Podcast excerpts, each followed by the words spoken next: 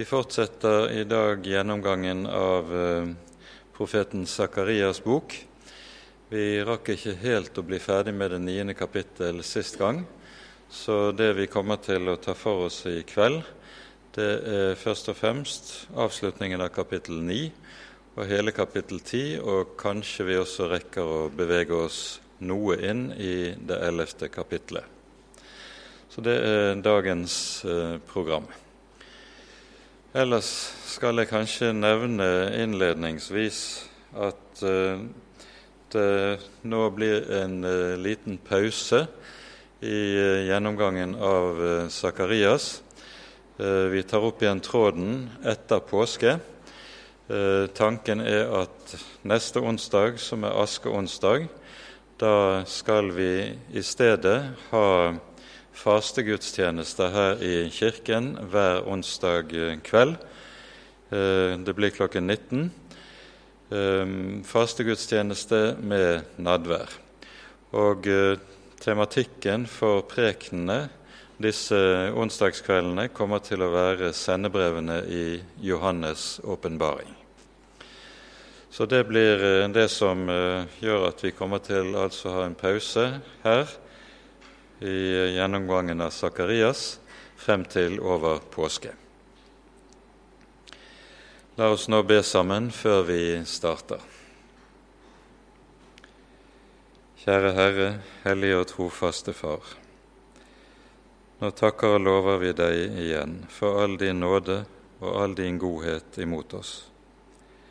Mest av alt takker vi deg for at du har gitt oss din egen sønn at han ble fattig da han var rik, for at vi ved hans fattigdom skulle bli rike. Vi ber deg, gode Herre, ta deg av oss.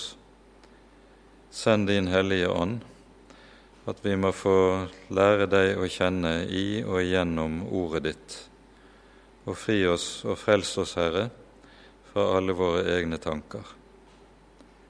Herre, forbarm deg over oss. Amen.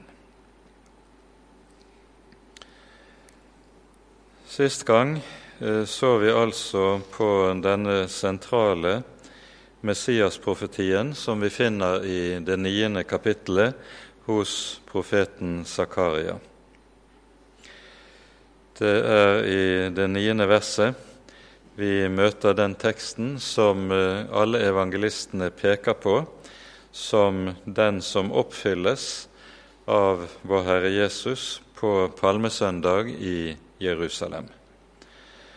Og Da er poenget med Jesu anvendelse av denne teksten at Jesus jo aldri noen gang sier med ord forut for dette at han er den lovede Messias. Når disiplene har innsett hvem han er, slik vi hører om det i det 16. kapittelet i Matteusevangeliet f.eks., så får de befaling om at dette skal ikke sies til noen, dette skal ikke gjøres kjent. Så det er en gang Jesus offentlig kunngjør at han er Messias. Det gjør han altså ikke i ord, men i handling, nemlig ved inntoget i Jerusalem, der han oppfyller ordene i Sakarias 9. Og dette er helt bevisst, eh, om vi kunne bruke et sånt ord, iscenesetting av Jesus, at han med dette demonstrerer at han er den lovede Messias.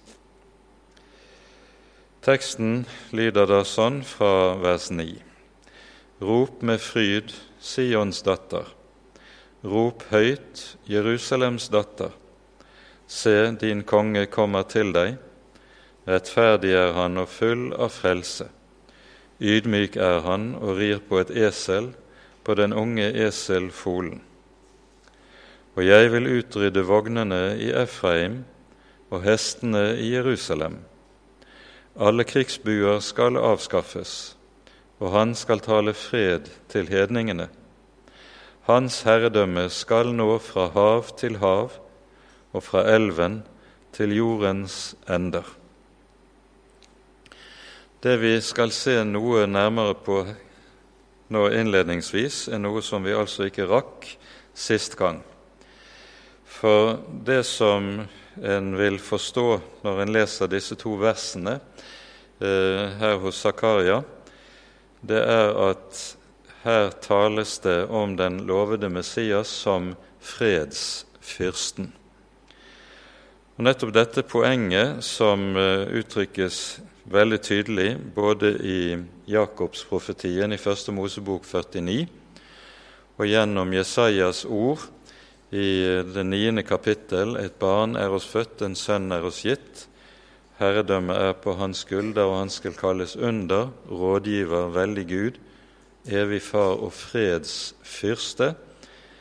Ordet fredsfyrste er et ord som i høy grad er det som sammenfatter det vi hører i disse to versene. Av denne grunnen er det også slik at en hel rekke av Messias-profetiene i Det gamle testamentet har det med seg at det taler om hvorledes alt som har med krigsvåpen og krig å gjøre, skal det bli en ende på når Messias kommer. Her kunne vi f.eks. minne om de ikke ukjente ordene i Jesaja-bokens annet kapittel, der eh, det taler om hvorledes Herrens ord og Herrens lov i de dager skal utgå fra Jerusalem. Og så sies det i det fjerde verset i Jesaja 2.: De skal smi sine sverd om til hakker og sine spyd til vingårdskniver ett folk skal ikke lenger løfte sverd mot et annet, og de skal ikke lenger lære å føre krig. Disse ordene som taler om Messias og Messias tid som fredstiden og ham som fredsfyrsten, de hviler altså i denne slags profetier, som vi altså også møter her i Zakaria 9, han skal utrydde vognene i Efraim og hestene i Jerusalem. Dette er noe som i Kristi liv oppfylles på to måter. Både på den måten som vi kan si allerede nå, og på den måten som heter et ennå ikke. Det er allerede nå som vi peker på med dette, det er det Jesus setter ord på når han forhøres av Pilatus. Her hører vi i Johannesevangeliets 19. kapittel, der eh, Pilatus spør Jesus, men du er konge. Så kommer det som spørsmål etter at Jesus sier Mitt rike er ikke av denne verden. Var mitt rike av denne verden, da hadde mine tjenere kjempet, så jeg ikke skulle bli overgitt til judeerne. Men nå er mitt rike ikke av denne verden. Med det gir Jesus til kjenne den radikale forskjellen mellom gamle, en av de radikale forskjellene mellom den gamle pakt og den nye pakt. Den gamle pakt sitt Israel det var det vi kaller for et teokrati. Det vil si at Israels kongedømme, Israels jordiske rike, var ett med det som var datidens Guds rike. Og fordi dette var et jordisk rike, så måtte også dets integritet og dets fred opprettholdes ved hjelp av våpenmakt, slik som det gjelder med alle nasjoner i verden overhodet. Og Dette er også noe av problematikken som eh, man står overfor innenfor jødedommen i forhold til Jesu person. Det som var den alminnelige Messias-forventningen på Jesu tid, er nettopp at en ventet seg en Messias som like som David, som fridde Israels folk fra filistrenes herredømme, så skulle Messias, når han kom, fri Israel fra romernes herredømme og innføre et evig fredsrike på det vi viser. Og Da forutsatte dette våpenmakt. Jesus sier altså at 'mitt rike er ikke av denne verden'. Og Med det så markerer han en radikal overgang fra den gamle pakt til den nye pakt. Den nye pakt er ikke bundet til noe jordisk kongedømme eller noe jordisk rike. Det er et åndelig rike som råder her i verden i kraft av Guds ord og derfor heller aldri skal fremmes eller forsvares med våpenmakt eller verdslig makt eller ytre maktmidler. Dette sier jo Jesus meget tydelig om seg selv. Var mitt rike av denne verden? Da hadde mine tjenere kjempet, så jeg ikke skulle bli overgitt til jødene eller til judeerne. Dette er altså en av de helt avgjørende forskjellene på den gamle pakt og den nye pakt. Idet den gamle pakt er bundet til en bestemt nasjonalstat, Israels folk, som er et folk som er kalt av Herren, utvalgt av Herren, og der Herren har sørget for å bygge denne nasjonen og bevare denne nasjonen, for på denne måten å legge de historiske forutsetningene til rette for at løftene om den kommende Messias kunne oppfylles på historisk måte innenfor dette folk. Men når Messias så kommer, løftene oppfylles, så skjer det på den måten at Messias rike løses fra denne ytre nasjonalstat som heter Israel, det er et åndelig rike, og Jesus sier 'mitt rike er ikke av denne verden'. Nettopp dette er altså noe som ble noe av et anstøt for datidens jødedom.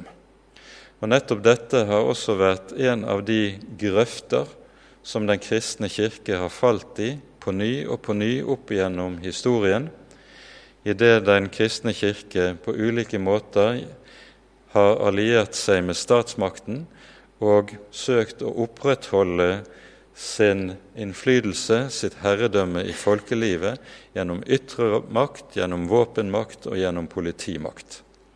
Dette var ikke bare tilfellet i middelalderen, men dette er også noe som dessverre kom til å gjelde i de lutherske land. Men det er altså helt avgjørende i Jesu tankegang at hans rike, fordi det er et fredsrike, ikke er et rike som skal opprettholdes eller forsvares med noen form for våpenvakt. Det eneste sverd som duger i dette Guds rike, det riket som ikke er av denne verden, er ordets sverd, åndens sverd. Og Guds rike skal utelukkende forsvares ved hjelp av ordets sverd og åndens sverd, som er åndens sverd. Dette betyr helt konkret at Jesu fredsrike opprettes i åndelig forstand i og med hans kors og oppstandelse og det som skjer ved dannelsen av den første kristne menighet på pinsedag i Jerusalem. Det er et åndelig rike mens det fortsatt her i verden er slik at dette åndelige riket må eksistere i en verden der du har de ulike verdensmaktene som i høy grad bruker vold og makt. Og Anstøtet mot denne sannhet det er noe som man møter den dag i dag innenfor jødedommen, i det et av de mest alminnelige argumentene mot den kristne tro fra jødisk side, fra rabbinsk side, det er at Jesus førte jo ikke til at det kom fred på jorden. Det vet vi altfor godt. Krigen har rådet i folkelivet opp gjennom alle århundrer, og kommer til å gjøre det helt frem til Jesus kommer tilbake. Men Jesu fredsrike er her i tiden et åndelig rike. Og dette er viktig å være klar over. Og Derfor skal den fred som kjennetegner Hans fredsrike, også være en fred som er av åndelig art. Og så skal Hans rike ikke forsvares ved ytre bruk av makt. Ikke på noen måte. Det er ved Ordet og ved Ånden Kristi rike holdes oppe. Det er ved Ordet og ved Ånden det vokser, det stadfestes. Det er ved Ordet og ved Ånden det bevares inntil enden. Ytre fred i den forstand at det blir slutt på krig, slutt på blodsutgytelse, slutt på vold og alt dette som kjennetegner menneskets historie, det er noe som ikke oppfylles før Jesus kommer igjen. Da skapes det nye himler og en ny jord. Da skal det også være fred på jorden i ytre forstand. Men dette gjelder altså ikke i vår tidsalder. Det som vi her er inne på, det sies uttrykkelig i en av de helt sentrale Messias-profetiene som vi har i Det gamle testamentet, nemlig i Daniels bok i det niende kapittel. Her er det tale om eh, de 70 årukene og hvor det også fortelles at den salvede Messias skal utryddes. Vi leser fra Daniel 9, eh, fra vers 24. Eh, 70 uker er tilmålt ditt folk og din hellige by til å innelukke frafallet og til å forsegle synder og til å dekke over misgjerning, og til å føre frem en evig rettferdighet, til å besegle syn og profet, og til å salve en aller helligste. Og du skal vite og forstå, fra den tiden et ord går ut om å gjenreise og bygge Jerusalem inntil en salvet, altså Messias, en fyrste, står frem, skal det gå syv uker og 62 uker. Det skal igjen settes i stand og oppbygges med gater og vollgraver, men under tidenes trengsel. Etter de 62 uker skal den salvede utryddes og intet ha. Merk det, her profeteres det uttrykkelig at Messias skal utryddes, han skal lide døden på korset. Så kommer det videre byen og helligdommen skal bli ødelagt av folket til en kommende fyrste. Det går bokstavelig i oppfyllelse når romerne erobrer Jerusalem i år 70.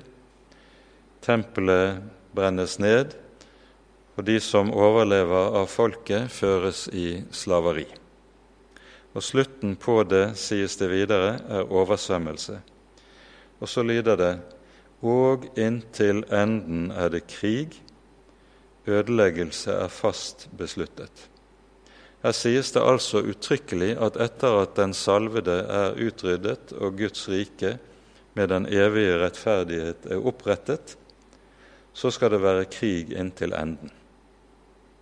Det innebærer altså at her i tiden vil Messias rike være et åndelig rike, mens denne verden vil komme til å fortsette sin skjeve gang, der vold og blodsutgytelse kommer til å høre til det som er det vanlige.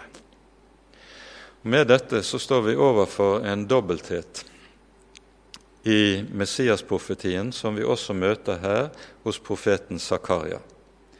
I det det både er tale om hvorledes Herren vil gi sitt folk fred og opprette et fredsrike, samtidig som det taler om det alvorligste og mest ødeleggende krigsforhold som en kan stå over. Dette er det som er noe av strukturen i mye av profetiene som vi finner, denne blandingen av løftet om det kommende fredsriket, som samtidig går sammen med at det tales om ytre og ødeleggende kriger. Mange har syntes at disse to tingene virker som noe som er selvmotsigende.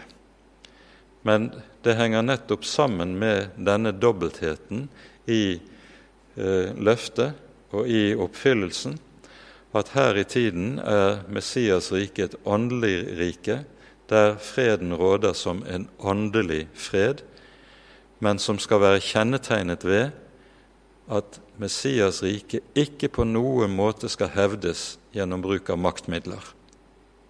Bruk av maktmidler er noe som, dersom det anvendes i Guds rikes tjeneste, noe som blir satanisk. Og dette er viktig å være klar over. Maktmidler skal aldri anvendes til forsvar for eller til å bevare Kristi rike her i verden. Det som er det sterkeste maktmiddel som er gitt Kristi kirke her i tiden, det er korset. Det er martyriet.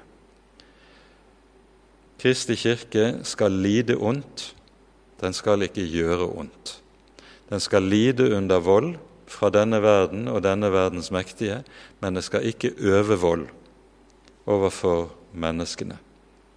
Dette er avgjørende viktig, og det er noe av dette som er sentralt i talen om Jesus som fredsfyrsten.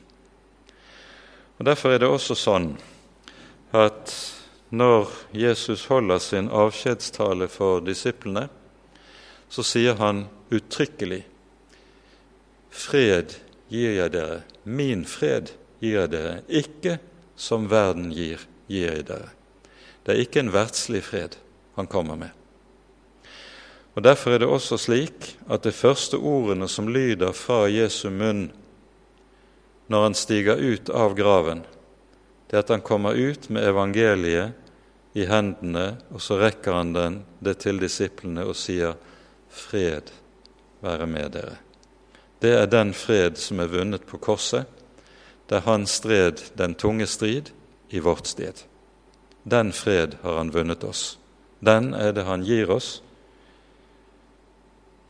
Men her i verden skal den kristne kirke stå under korset. Og korset har det underlige med seg at det altså er et maktmiddel. Det ser ut som det onde og ondskapen vinner når det henretter og forfølger Guds folk. Men det underlige som har vist seg oppover gjennom historien på ny og på ny, det er det som allerede Tertulian sier i år 200 Martyrenes blod er Kirkens utsed. Slik er det at der martyriet blir virkelighet, der kommer også evangeliet til å få en forunderlig kraft til å slå inn hos menneskene. Og så blir nettopp martyrtidene, overraskende nok, Den kristne kirkes veksttider. Og På denne måten så kan en altså godt si det slik at korset er kanskje det sterkeste maktmiddel, et åndelig maktmiddel, som den kristne kirke er i besittelse av. Det får være nok om det, men med dette i minne er det vi så kan lese de neste versene her ifra det niende kapittel hos Zakaria. Det fortsetter med løftet om evangeliet i det ellevte verset. Dette gikk vi igjennom sist gang. For ditt paktsblods skyld vil jeg også fri dine fanger ut av brønnen som det ikke er vann i. Vend tilbake til festningen, dere fanger som har håp. Eller deres håpets fanger, står det bokstavelig i grunnteksten. Også i dag forkynner jeg at jeg vil gi dere dobbelt igjen. Ordet 'dobbelt' som anvendes her, det har også dobbelt betydning som kan være godt å være oppmerksom på. For det første er det slik, ifølge Moseloven, at når Moseloven gir eh, regler for, for, arv, så er det slik at den førstefødte sønn i huset, han skulle alltid arve en dobbelt del av det som de, de øvrige av etterkommerne arvet. La oss si at en mann hadde fem sønner. Da skulle arven deles opp i seks deler. Så skulle den eldste få to deler av arven, og så skulle de andre få én del hver. På denne måten så fikk den eldste, eller den førstefødte sønn, en dobbelt del. Og det innebærer at når det taler om at vi ved evangeliet får dobbelt, så for, betyr det at Gud med det gir Guds folk, sine barn, førstefødselsrett i sitt rike. Det er det ene som ligger i det. Det andre som ligger i det, er noe som Og dette henger sammen med ordene vi finner i Jesaja-bokens 40. kapittel, eh, der vi hører det lyder fra det første verset Trøst, trøst mitt folk. Rop til Jerusalems hjerte at dets synd er betalt, dets skyld er sonet, dets strid er endt, at det av Herren har fått dobbelt for alle sine misgjerninger. Ludvig Hope forteller fra sin hjembygd om noe som skjedde der for godt over 100 år tilbake. Det var en eh, fattig kvinne. Hun var blitt enke og satt med en meget stor barneflokk og hadde ingen mulighet til å eh, tjene nok til livets opphold for alle sine små. Så hun må be om, når hun er på butikken i bygden, om å få låne fra bygdens kjøpmann det hun trenger. Han er velvillig, låner henne det hun trenger, men etter hvert vokser gjelden hos kjøpmannen så mye at han ikke lenger har, ser seg råd til å gi henne mer på kreditt. Nettopp ved denne tiden så kom det en fra reisende fra Amerika tilbake til sin hjembygd der i Nordhordaland. Han hadde gjort det godt i Amerika og hører om denne fattige enken, hvorpå han går i, til kjøpmannen og spør stemmer det at denne kvinnen så og så i gjeld og skylder så og så mye hos deg. Ja, det stemmer. Han la så en konvolutt på disken eh, fremfor kjøpmannen og sa det at ok, her har du til dekning av denne gjelden. Og så legger han en ny konvolutt i tillegg på disken, som inneholdt et like stort beløp, og han sa denne, denne, dette beløpet skal dekke all hennes fremtidige gjeld det er dobbelt. Og På den måten er det vår Herre Jesus har betalt for oss. Han har ikke bare betalt for all den synd som vi har gjort, våre fortidige synder, som jo har gjort at det er lagret opp en kjempemessig gjeld for hver og en av oss hos Gud. Han har også betalt for våre fremtidige synder. Alt du og jeg kan komme til å gjøre av synd. All skyld som vi i det hele tatt kan komme til å lagre opp av gjeld hos Gud, er det gjort dekning for av vår Herre Jesus. Han har betalt dobbelt. Rop til det at de har fått dobbelt tilbake for all sin misgjerning. Og Dette er noe av det som ligger altså i dette ordet dobbelt. Og i det ligger det altså et rikt evangelium for syndere. Og det er dette dobbeltordet som vi altså møter igjen også her. hos Zakaria. Vi leser videre. Jeg spenner Juda som min bue og legger Efraim på buen. Jeg egger dine sønner Sion mot dine sønner Javan. Jeg gjør deg lik en kjempes sverd. Og Herren skal åpenbare seg over dem. Hans pil skal fare ut som lynet. Herren skal blåse i hornet og fare frem i stormen fra sør. Herren, herskarenes Gud, skal verne dem. De skal sluke sine fiender. De skal trå slyngesteinene under føtter. De skal drikke og larme som av vin.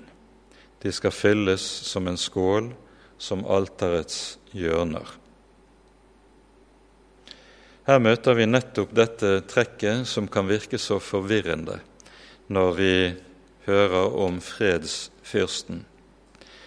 Noen vers over er det talt om hvorledes han skal gjøre slutt på alt som heter våpenmakt, og så plutselig hører vi på ny om krig. Det henger sammen med nettopp denne dobbelthet som vi har pekt på. Her i tiden er Kristi rike et fredsrike i åndelig forstand. Det er først i fullendelsen, det blir det også i ytre forstand. I ytre forstand vil krig og vold til, og blodsutgytelse komme til å finnes her i verden så lenge denne verden består. De fleste som har utlagt disse tekstene her hos Zakaria, de mener at den krig som det sikter frem imot her, det er den som det også er tale om hos profeten Daniel som profeterer om krigen under makabeerne. Ehm, da var Javan det er nemlig Det gamle testamentets navn på Grekenland. Og med Aleksander den store så kom greken, gresk makt og gresk kultur til å bli den dominerende i hele Midtøsten. Når Aleksander Alexander den store dør, deles hans rike i fire deler. Og eh, Israels landområde kom til å bli liggende i frontlinjen mellom den delen av Aleksanders rike som hadde sitt sentrum i Syria og i Damaskus, og den andre delen som hadde sitt sentrum i Egypt. Og det var hyppig kriger mellom disse to maktene, og Israel led meget under dette. Men når vi kommer til rundt 200-tallet før Kristus, så er det den syriske delen av Aleksanders rike som har overherredømme. Her kommer det en konge på tronen som heter Antiokus, og får navnet Epifanes, som betyr gudsbespotteren eller den som vanhelliger.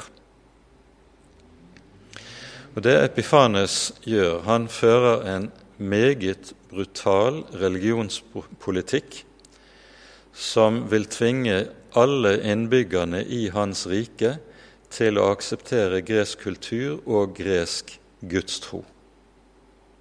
Det innebærer for Israels land å gjøre vedkommende at Alt som har med troen på og dyrkelsen av Israels Gud, blir på det strengeste forbudt.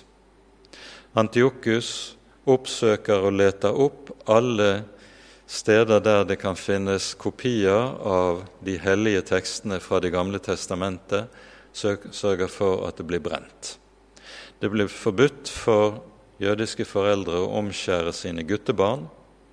Det blir forbudt å be i tempelet, og for sikkerhets skyld så vanhelliger Antiokus tempelet gjennom å ofre griser på alteret i tempelet i Jerusalem, og deretter sette opp et bilde av Sefs, den øverste guden i gresk gudstro, i helligdommen. Her er det da at det til slutt reiser seg opprør mot Antiokus og denne religionspolitikken. Et opprør som ledes av makabeerne. Det er en familie som eh, av nidkjære jøder som vil kjempe for fedrenes tro.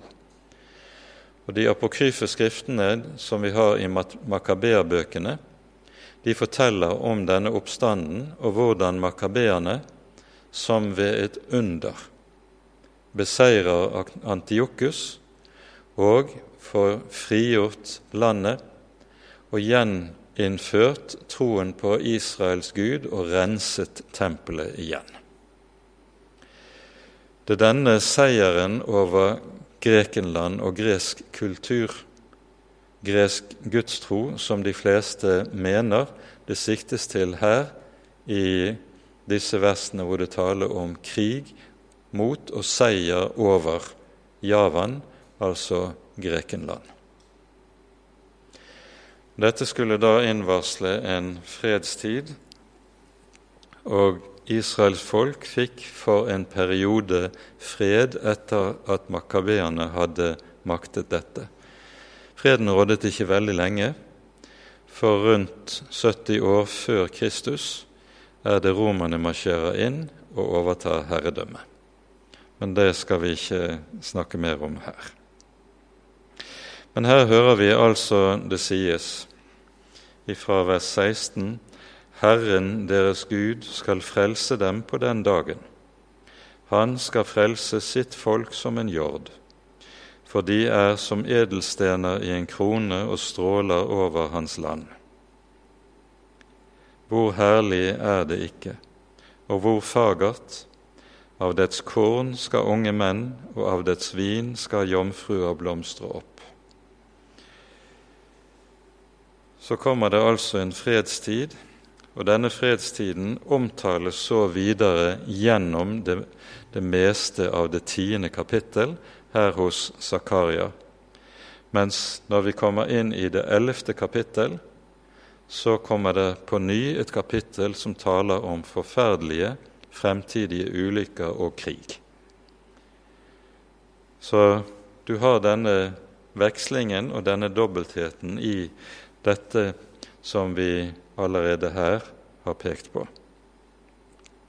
Og Nå vi, tar vi oss tid til å lese det tiende kapittel i sammenheng. Be Herren om regn i senregnets tid. Herren sender lynstråler, og regnskyll skal han gi dem, som hver mann får grøde på sin mark. For husgudene talte usant, og spåmennene skuet løgn. Tomme drømmer forkynte de, og den trøst de ga, var intet verd. Derfor måtte folket dra av sted som sauer og lide ondt, fordi det ikke var noen hyrde. Mot hyrdene er min vrede opptent, og bukkene vil jeg hjemsøke. For Herren, herskarenes Gud, ser til sin jord, Judas hus, og gjør den lik sin stolte stridshest. Fra det skal hjørnesteinene komme, fra det naglene, fra det krigsbuene, fra det skal alle herskere utgå. De skal være lik kjemper, som tråkker sine fiender ned i krigen som avfall på gatene. Ja, stride skal de, for Herren er med dem, og de som rir på hester, skal bli til skamme. Jeg vil styrke Judas hus og frelse Josefs hus og føre dem hjem. For jeg forbarmer meg over dem, og de skal være som om jeg aldri hadde forkastet dem. For jeg er Herren deres Gud, og vil bønnhøre dem. Efraims menn skal være lik kjemper, og deres hjerter skal bli glade som av vin. Deres barn skal se det og glede seg, deres hjerter skal fryde seg i Herren. Jeg vil plystre på dem og samle dem, for jeg har forløst dem. De skal bli tallrike slik de før har vært. Jeg vil så dem ut blant folkene, men i de fjerne land skal de komme meg i hu. De skal leve med sine barn og komme tilbake. Jeg vil føre dem tilbake fra landet Egypt og samle dem fra Assur og føre dem til Gileads land og til Libanon, og der skal det ikke bli rom nok for dem. Han skal dra frem gjennom havet, gjennom farer, og slå ned bølgene i havet. Alle Nilens dyp skal tørkes ut. Assurs stolthet skal støtes ned. Kongespir skal vike fra Egypt. Jeg vil gjøre dem sterke i Herren, og i Hans navn skal de gå frem, sier Herren. Vi rekker ikke å gå gjennom alle enkelthetene i dette kapitlet, men det er en del ganske så sentrale saker som det er viktig å være klar over, som vi skal prøve å se noe på. Det gir seg naturlig at det første verset i kapittel 10 henger uløselig sammen med det siste verset i foregående kapittel.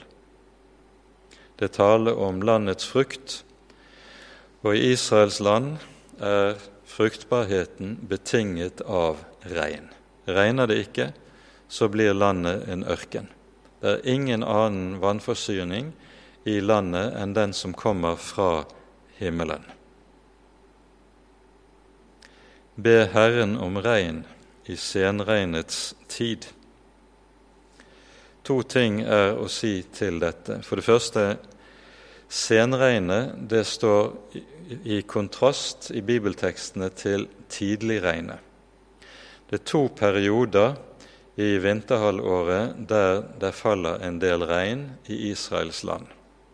Den ene perioden er på høsten i oktober-november og kanskje ut mot desember det kalles for tidligregnet. Og det er rundt den tiden bøndene sår kornet. Så kommer det ut i februar-mars, eh, muligens litt ut i april. Da kommer senregnet. Og uten at senregnet kommer og hveter jorden, så vil kornet som er sådd på høsten, ikke komme til modning, det vil bli tørke, og med det vil det bli hungersnød. Så senregnet er en avgjørende forutsetning for grøden. Så sies det 'be Herren om regn i senregnets tid'. Dette er noe som eh, profeten, Esek, unnskyld, profeten Jeremia setter ord på i det siste verset i kapittel 14, der det står slik Er det blant hedningenes falske guder noen som kan gi regn? Eller er det himmelen som gir regnbyger? Er det ikke du, Herre vår Gud? Vi venter på deg, for du har gjort alle disse ting. Klimaet er i siste instans noe som styres av Gud. Det er Bibelens klare tale. Når det står sånn som vi leser det her hos Zakaria, be Herren om regn, så henger dette sammen med det som var noe av Israels ulykke i tiden før Jerusalems fall i år 587 før Kristus. Israels stadige fristelse var å dyrke kananittenes guder, der Baal var den fremste og viktigste av disse gudene. Baal var gud for fruktbarhet, og det vil si han var gud for regnet. Og Derfor var en flittig baalsdyrkelse det var noe som hørte sammen med at det gamle Israel var en jordbrukskultur, helt avhengig av regnet. Folket faller stadig ut i fristelsen til å dyrke Baal i den tro at det er Baal som gir regnet. Her sies det 'be Herren', at Han skal gi regnet. Og det er nettopp dette poenget som er så sentralt i beretningen om profeten Elias. For vi hører i første kongebok 17. kapittel om hvordan Elias på Herrens ord gir befaling om at det ikke skal falle regn i landet utenpå Hans ord. Med det så gis det så å si en demonstrasjon overfor Israels folk at det ikke er Bal som har makt over regn og tørke. Det er Herren, Israels Gud. Det skal folket lære gjennom den tørke som rammer landet på Elias' ord, Guds ord gjennom Elias. Og så dyrker folket flittig Baal i denne tørketiden i håp om at jo mer de dyrker ham, jo, mer, jo større blir håpet om at de skal få regn. Men det motsatte blir tilfellet. Og så kommer kapittel 18 i første kongebok, der vi hører møtet mellom Elia og Baals profetene på Karmelsberg. Og når folket har sett hvorledes Herren svarer Elia og tar imot Elias offer, folket faller på kne og roper 'Herren, han er Gud'. Herren, han er Gud. Da kommer regnet. Det er denne avhengigheten av at Gud i sin nåde sørger for regnet og dermed maten på bordet i folket, som er helt grunnleggende i det gammeltestamentlige Israel, og som også ligger til grunn for det Jesus lærer oss å be når vi ber Fader vår. Gi oss i dag vårt daglige brød. Vi er avhengig av Herren i siste instans. Og selv om det for oss synes meget fjernere vi går jo bare på supermarkedet for å få mat, så er jo saken den at sender Gud tørke et par år samtidig i Ukraina og over de, Midtvesten og de store kornområdene i USA og Canada, så vil hungersnøten banke på døren også hos oss. Vi er avhengig av at Gud sender regn.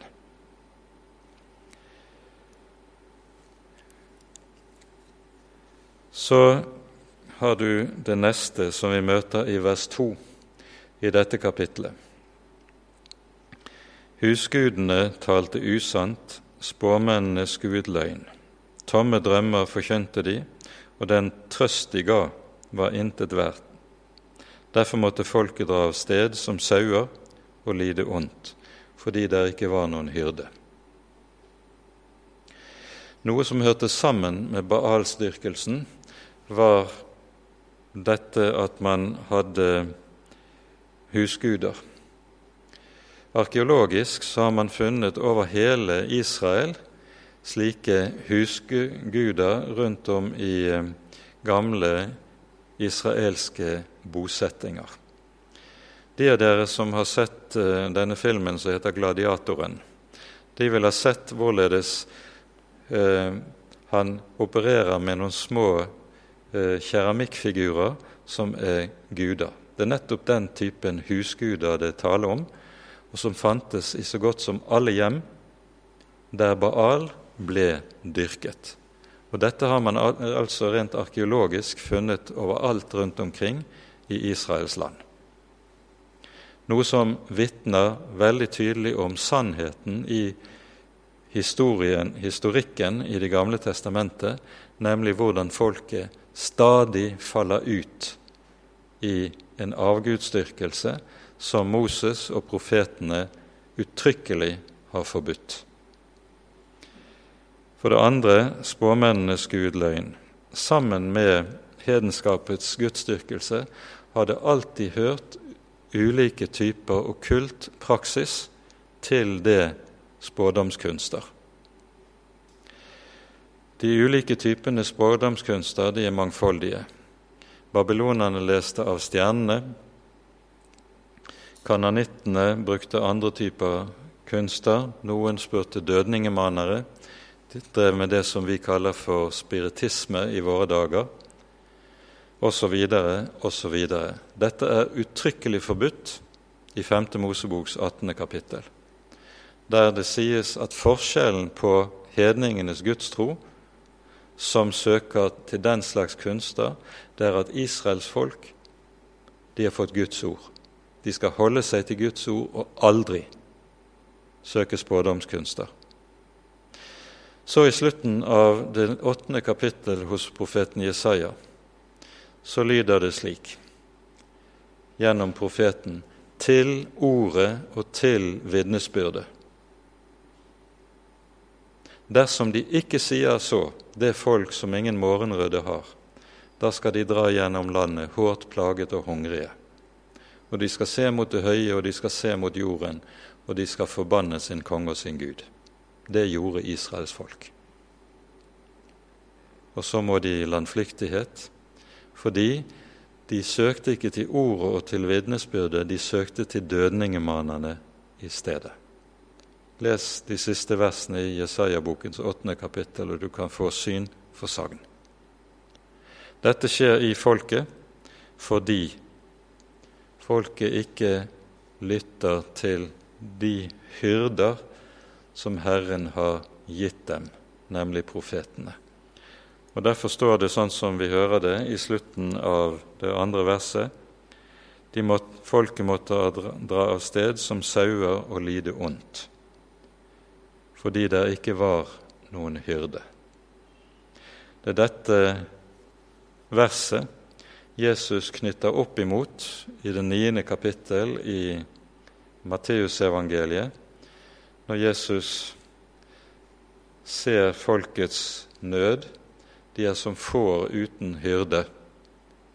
Og så sier til disiplene, ber derfor høstens herre at han skal drive arbeidere ut til sin høst, nemlig at Herren skal reise opp slike som kan være hyrder, rette hyrder for sitt folk.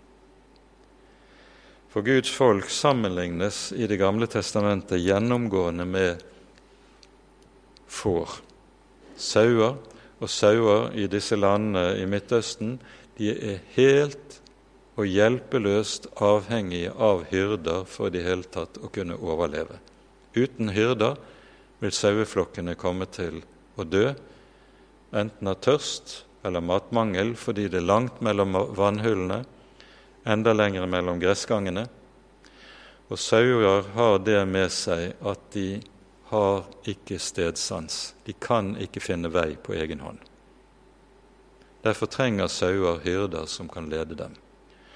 Og nettopp fordi sauer ikke kan finne vei på egen hånd, er det vi mennesker sammenlignes med sauer i Bibelen.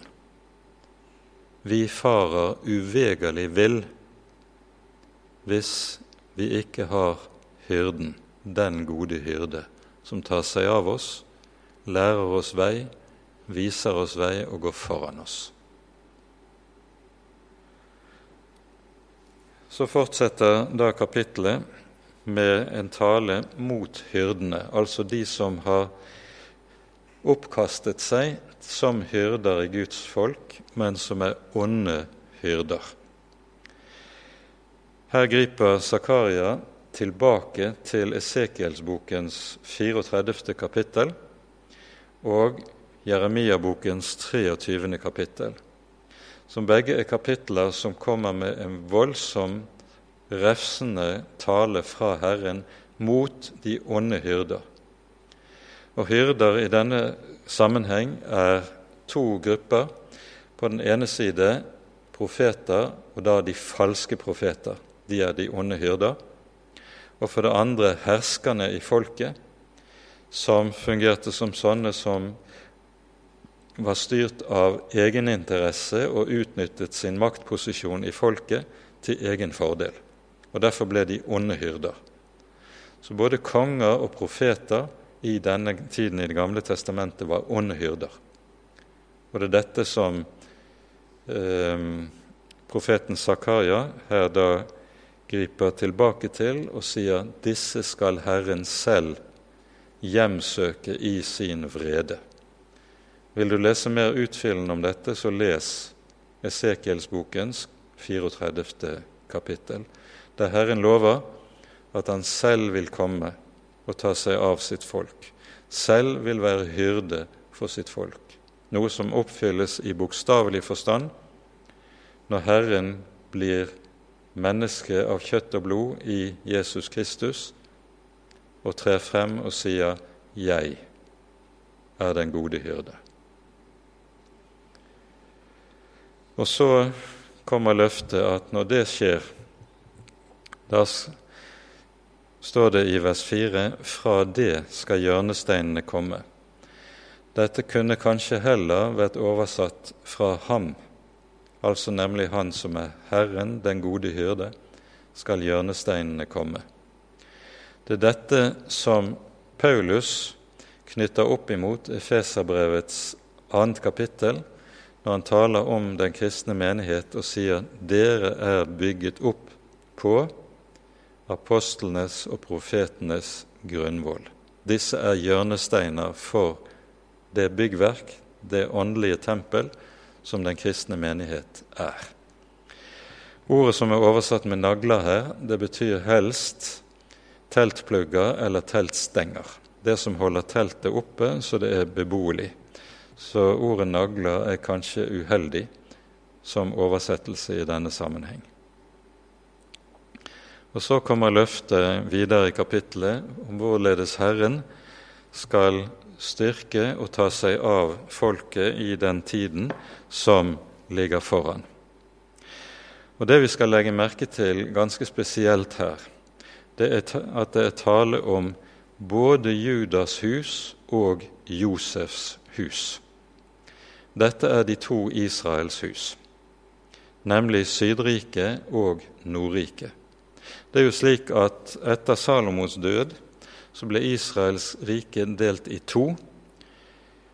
Og da er det slik at etter den tid så betegnes i både konge- og krønikebøkene disse to delene av Israels folk som enten Juda, som er Sydriket med sin hovedstad i Jerusalem, der tempelet står, eller Israel, som er Nordriket, og som får sin hovedstad i Samaria etter hvert. Nordriket fordi Nordrik, de to, de, Nordriket består jo av de ti stammene mens Sydriket består av to stammer, nemlig Judas stamme og Benjamins stamme. Og Den siste blir oppslukt i Judas stamme etter hvert. Men de to dominerende stammene i Nordriket, det er Josefs to sønner Efraim og Manasseh.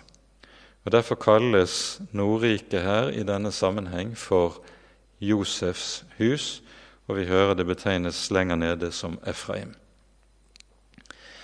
At Herren vil ta seg av Efraim eller fra Josefs hus, det er noe som er meget spesielt på det tidspunkt dette lyder.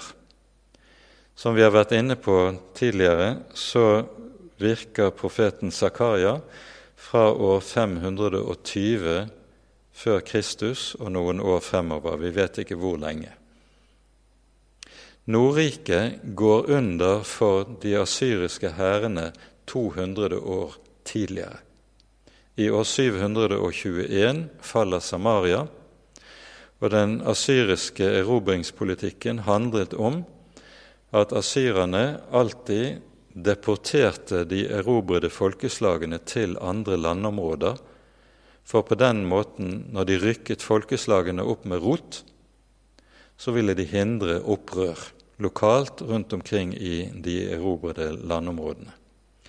Så Israels ti stammer rykkes opp, forflyttes rundt omkring i det store asyriske verdensriket, mens andre folkeslag flyttes inn og kommer til å bo i Nordrikets område. Og disse blandingsfolkene, det er det som blir samaritanene. Dette omtales i det siste kapittelet i annen krønikebok. Men dette er altså særegent fordi at profeten Zakaria taler om dette 200 år etter at de ti stammer er adspredt, Nordriket er gått under, og som mange av dere vil vite, er det jo et stort mysterium hvor de ti stammene egentlig er blitt av. Vi vet ikke. Og opp gjennom historien har det vært tallrike teorier om hvem disse ti stammene er, og hvor de er blitt av. En av teoriene hevder at eh, Danmark de nedstammer fra Dans stamme, men uh, dette er rent etnisk umulig. Men Herren har altså lovet at han vil ta seg av også disse som er blitt borte fra historiens arena. Vi mennesker ser dem ikke, vi er ikke i stand til å finne dem, men Herren er i stand til å finne dem, og han skal gjøre det og sørge for at så skjer i sin tid. Dette er altså et løfte som Herren gir i dette kapitlet, og med det forstår vi at kapittel 10 hos profeten Zakaria er et kapittel som peker fremover mot fullendelsen. Her er det ikke bare tale om en oppfyllelse som skal skje her i vår verden, i vår tidsalder i historien, men det peker frem mot fullendelsen når alle ting skal gjenopprettes. Da skal Herren også ha sørget for å gjenfinne de av de ti stammene som er blitt borte for våre øyne. For Herrens øyne er de ikke borte. Med det er vi nødt til å sette punktum for dagens bibeltime. Vi rekker ikke mer i kveld. Så tar vi opp tråden igjen etter påske, og da vil vi fortsette siste del av tiende kapittel og gå inn i ellevte kapittel slik at vi regner med å kunne avslutte denne serien om profeten Zakaria før sommerferien. Ære være Faderen og Sønnen og Den hellige ånd, som var og er og være skal i en sann Gud, høylovet i evighet. Amen. La oss så sammen be Herrens bønn. Vår Far i himmelen. La navnet ditt helliges, la riket ditt komme. La viljen din skje på jorden slik som i himmelen. Gi oss i dag vårt daglige brød, og tilgi oss vår skyld, slik også vi tilgir våre skyldnere. Og la oss ikke komme i fristelse, men frels oss fra det onde.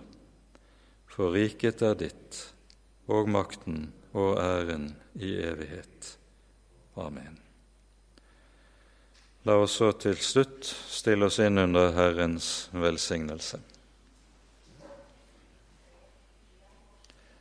Herren velsigne deg og bevare deg. Herren la sitt ansikt lyse over deg og være deg nådig. Herren løfte sitt åsyn på deg og gi deg fred. Amen.